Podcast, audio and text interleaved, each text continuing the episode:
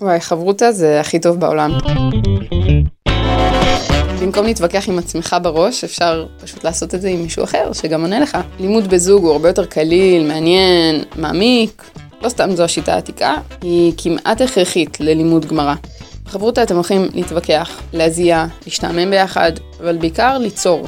לי הגמרא מזכירה ספרי פנטזיה כאלה, שהילד uh, מתחיל לקרוא ואז הוא מגלה שהוא אחת הדמויות, וזה ככה, כל לימוד הוא סשן של יצירה ייחודית. אז עם מי עושים את זה? יצא לי לשדך לא מעט חברותות, ומבחינתי הקריטריון הכי חשוב הוא האם שני האנשים האלה ייהנו מלשבת יחד על בירה. עוד דבר חכם לעשות זה לבחור מישהו שיהיה לך טיפה לא נעים לבטא לו. בתור התחלה כדאי ללמוד עם מישהו שמכיר קצת יותר גמרא. בהמשך, כשכבר תגיעו לרמה ממש גבוהה, אז הכי שווה ללמוד דווקא עם מישהו שרק מתחיל, ויכול להסתכל על הדברים במבט רענן. אז מה בפועל עושים ביחד? א', מפטפטים. מבחינתי 10% פטפוטים זה ממש טוב. אבל הדבר הבסיסי הוא שאחד קורא בקול, השני מנסה להסביר, הראשון שואל על זה שאלה, וככה מתגלגלים. הדבר הכי חשוב שיש לי להגיד על חברותה, צריך לנסות תמיד להגיד הפוך מהחברותה שלך.